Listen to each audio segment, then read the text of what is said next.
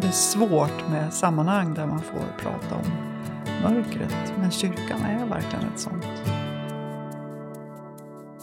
Jag tror att just den frasen, allt får finnas, är nog en av anledningarna till att jag är kvar. Alltså mörkret som en plats där livet blir till. Det lämnar mig inte. Hej och välkommen till en samtalspodd från Svenska kyrkan i Umeå med Lena Fageus och gäster. Idag är temat att lämna för att leva.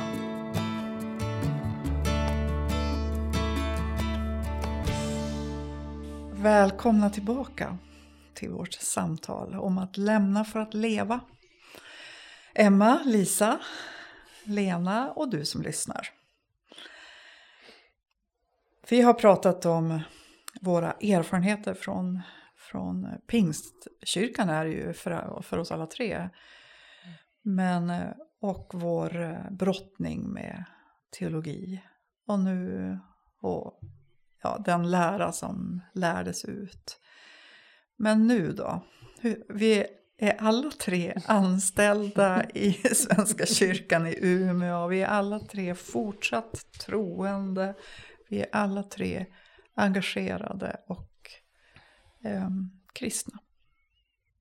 Hur kommer det sig? Lisa, vill du börja? Mm. Vad är det som bär idag liksom? Alltså det var, det var något som hände med mig i, i den kris som följde och i den tomhet som blev när jag, den här perioden efter jag lämnade. Då hände det några saker som jag kan se idag att de fick väldigt stor betydelse. Um, dels så kom jag åt Bibeln på ett lite annat sätt. Alltså jag, jag, lärde mig mer, jag lärde mig mer om min egen bakgrund genom att jag pluggade lite religionsvetenskap. Och det gjorde jag egentligen i min lärarutbildning. Jag hade ingen tanke på att bli präst då. Men jag valde det som ett, ett tilläggsämne i min utbildning. Och när jag, när jag förstod mer om Bibelns kontext, då var det som att den blev en helt annan bok. Jag fick historiska, kontextuella liksom, aspekter på den och så fick jag se den som litteratur. Så jag började läsa den som en vanlig bok och fick de här långa linjerna och berättelserna. Och jag såg människorna. Så jag lyftes bort från de här, de här, det här pluttiga och fragmenterade sättet att läsa. Liksom. Det blev större. Så vetenskapen gav mig tillbaka. Vetenskapliga studier gav mig till, Bibeln tillbaka. Mm. Eh, sen kom det där att kompletteras med en ignatiansk andlighet som ju kanske är mer, den är mer individualistiskt riktad. Alltså man läs, man, I den fick jag läsa Bibeln och, och meditera över texterna. Vad, vad, betyder det här för mig? Eh, och det blev en otroligt intensiv andlig resa för mig. Men det kom ju senare när jag väl hade blivit präst. Men, men de där vetenskapliga studierna, de blev viktiga för mig. Det var som ett startskott i början på den här tomma tioårsperioden. Så jag, jag trodde att jag hade lämnat allt. Men mm. egentligen så hände något annat med mig då.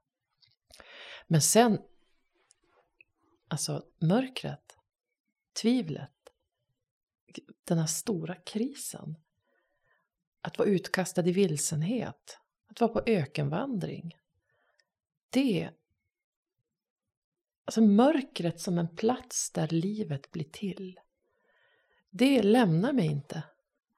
Där, där, gjorde, där föddes någonting helt nytt som jag själv inte kunde forma. Jag kunde inte prestera tron. Det var du som nämnde det tror jag, Emma. Det var inte tanke, det var, det var djupare i ett... Det var djupare än känslor. Det var som i min, i min, i min djupaste mänsklighet föddes Gud.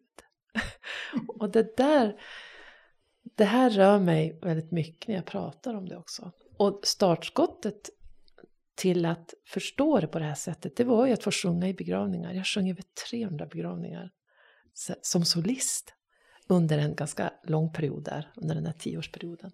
Och att mötas av det här, sam, samma, samma sak hela tiden. En präst som stod och berättade om en människas liv, om den kärlek, de svårigheter som hade funnits, om det här ödet som det var och vad som är kvar hos oss som sörjer. Att möta kyrkans, för att se kyrkan som kropp, människ, främlingar som möts i en svår situation, kramar om varandra. Det fanns en präst där som talade om hopp eh, utan att förminska sorgen. Det var så många, det var så otroligt många bitar i det där som gjorde mörkret viktigt, rikt, på riktigt liksom. Um, ja. Förtvivlans rop, att det plötsligt fanns, det fanns i Bibeln. Det fanns, hela saltaren blev ju oerhört viktig för mig så småningom.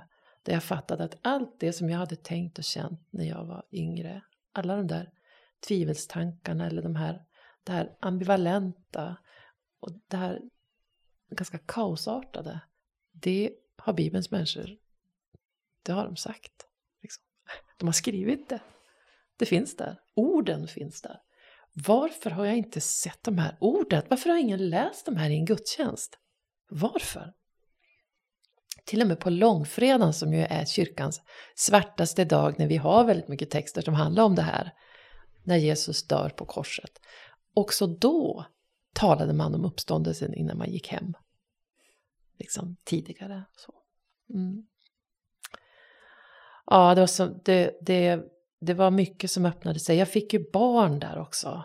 Och vi renoverade ett hus, jag mötte mitt livs kärlek och även om det gick sönder sen så var det också, det var det, det jag vill kalla för inkarnatoriskt. Alltså Gud uppenbarade sig, jag fick tillbaka min kropp. Alltså sexualiteten fick en ny betydelse. Jag, jag kände att jag var en människa. Och jag, plötsligt ville jag inte vara något annat. Jag vill inte till himlen, jag vill vara människa, jag vill upptäcka vad det är att leva. Och där är Gud. Så att Gud blev människa, det blev ju under de här tio tomma åren plötsligt synligt. Liksom. Mm, så. Mm. Och eh, där i begravningarna, jag minns var, jag, var jag satt. Jag satt på en, en stol i backens kapell och hörde en präst tala om det svåra och om ljuset. Fröet till liv. Eller. Och då kände jag bara, det här, det här måste jag vara. Här vill jag vara. Så där börjar min väg mot att fundera på, kan jag komma in i kyrkan på något sätt då? Mm. Mm. Nej, men det, är, det, finns ju, det är starkt det du beskriver och det där med att eh, alltså generellt så finns det ju väldigt få platser i samhället där man får, där mörkret är tillåtet att vara. Eller hur? Mm. Det är nästan ingen som, som vi får knappt prata om sorgen och vi får knappt berätta för någon att man mår dåligt eller att ja men Mm. Utan det allting ska vara framgångssagor. Och det mm. handlar inte om... Alltså, tycker att det finns... Det är svårt med sammanhang där man får prata om mm. mörkret. Men kyrkan är verkligen ett sånt. Mm. Och just som du beskriver att det är på sida efter sida i Bibelns blad så kommer de där kraschade relationerna och kraschade liven och mm. tvivlen och gud vad det är och, mm. och så. Mm ja, men, det är samma berättelse på något sätt. Ja. Som vi lever i generation efter generation. Ja. Mm. Kampen med vår, oss själva och med mm. livet och med Gud. Mm. mm. Och det, det är ju fantastiskt att få vara i ett sånt sammanhang där, där allt får finnas. Mm. Där man inte behöver välja ut vissa fragment av sitt liv eller sin mm. kropp eller, sin, eller bibeltexter utan att allt får finnas. Jag tror att just den frasen, allt får finnas, är nog en av anledningarna till att jag är kvar. Mm. Dels på min arbetsplats, men just i kyrkans sammanhang. För att jag...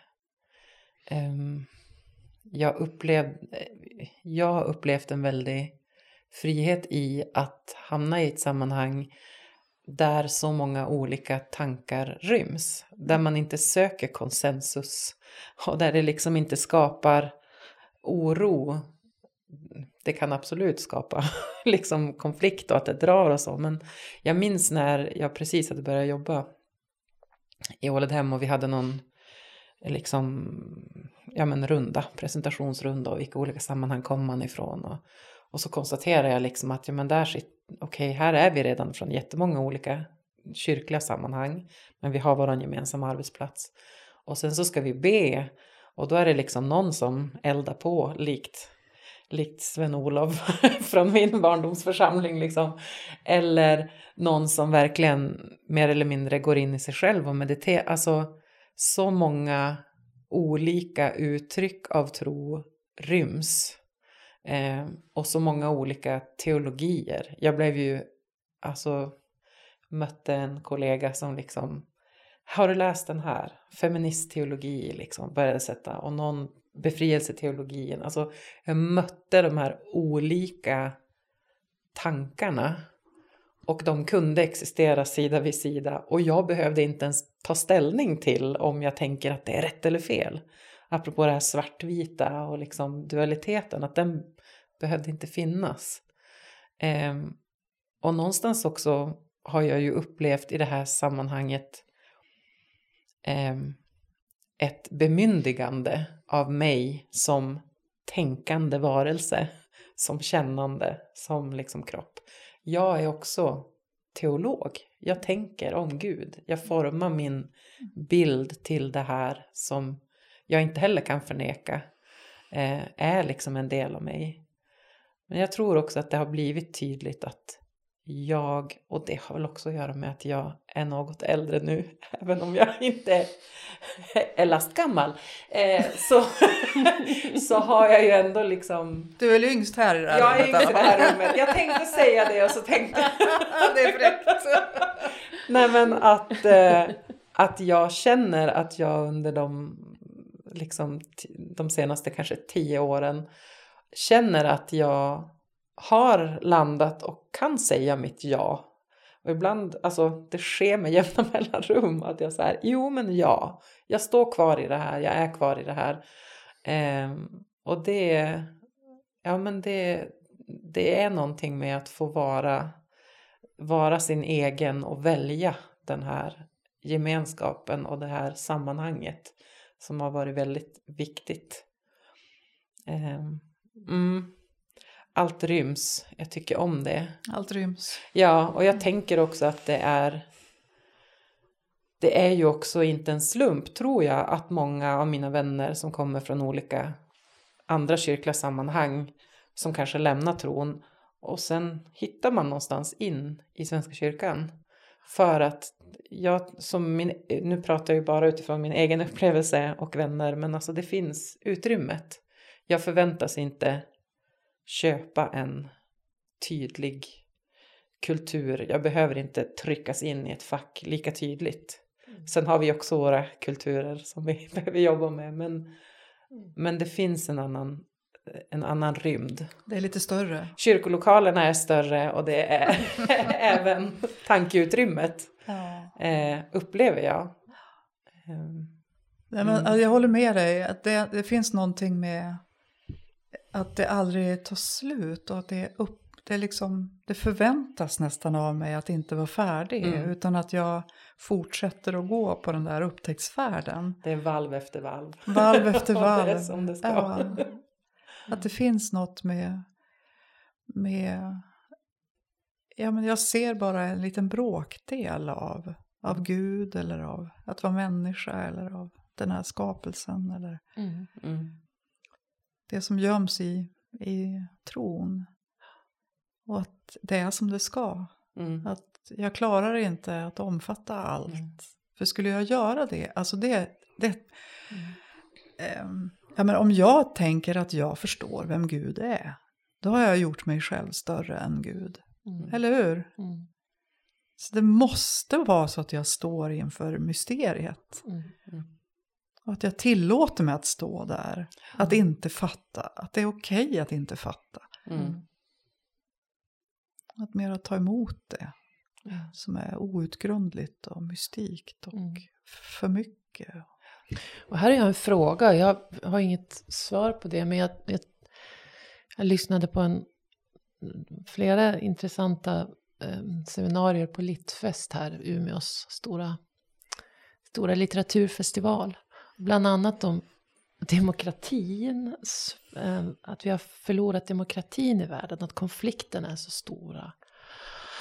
Eh, och då, då var det någon som sa det att, att många söker sig till de här totalitära ändå. Alltså att det finns någonting i vårat...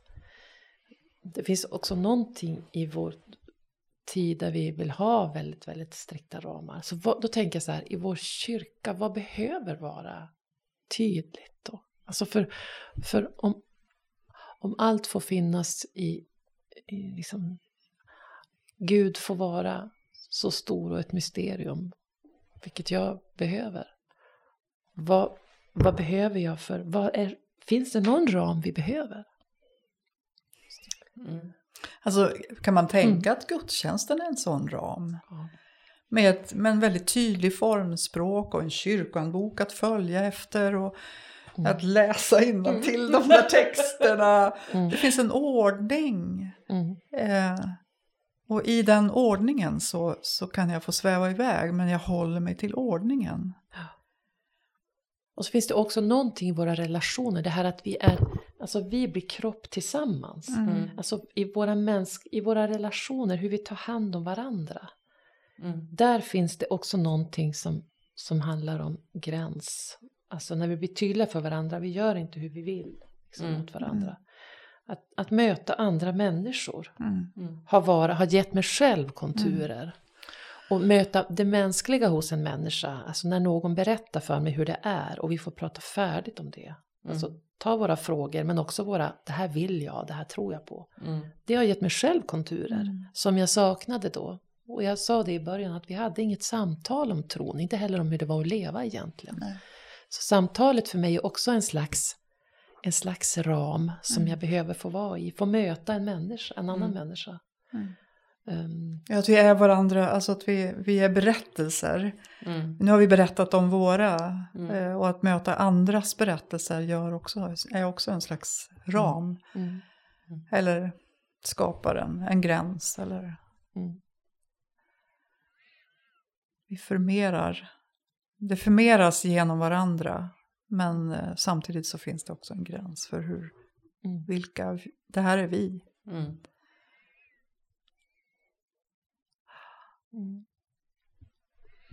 Nu Lisa börjar det här samtalet också gå mot sitt slut. Har du någonting som kan binda ihop det? Rama in? Människans lov. Gud, ibland slår det mig att jag har fått vara med om människor och att jag fick bli en av alla dem som funnits. Det är väldigt fint. Ibland slår det mig att det är så fint att det dög också åt dig. Tack Lisa, tack Emma. Tack, du som lyssnar. Tack för nu.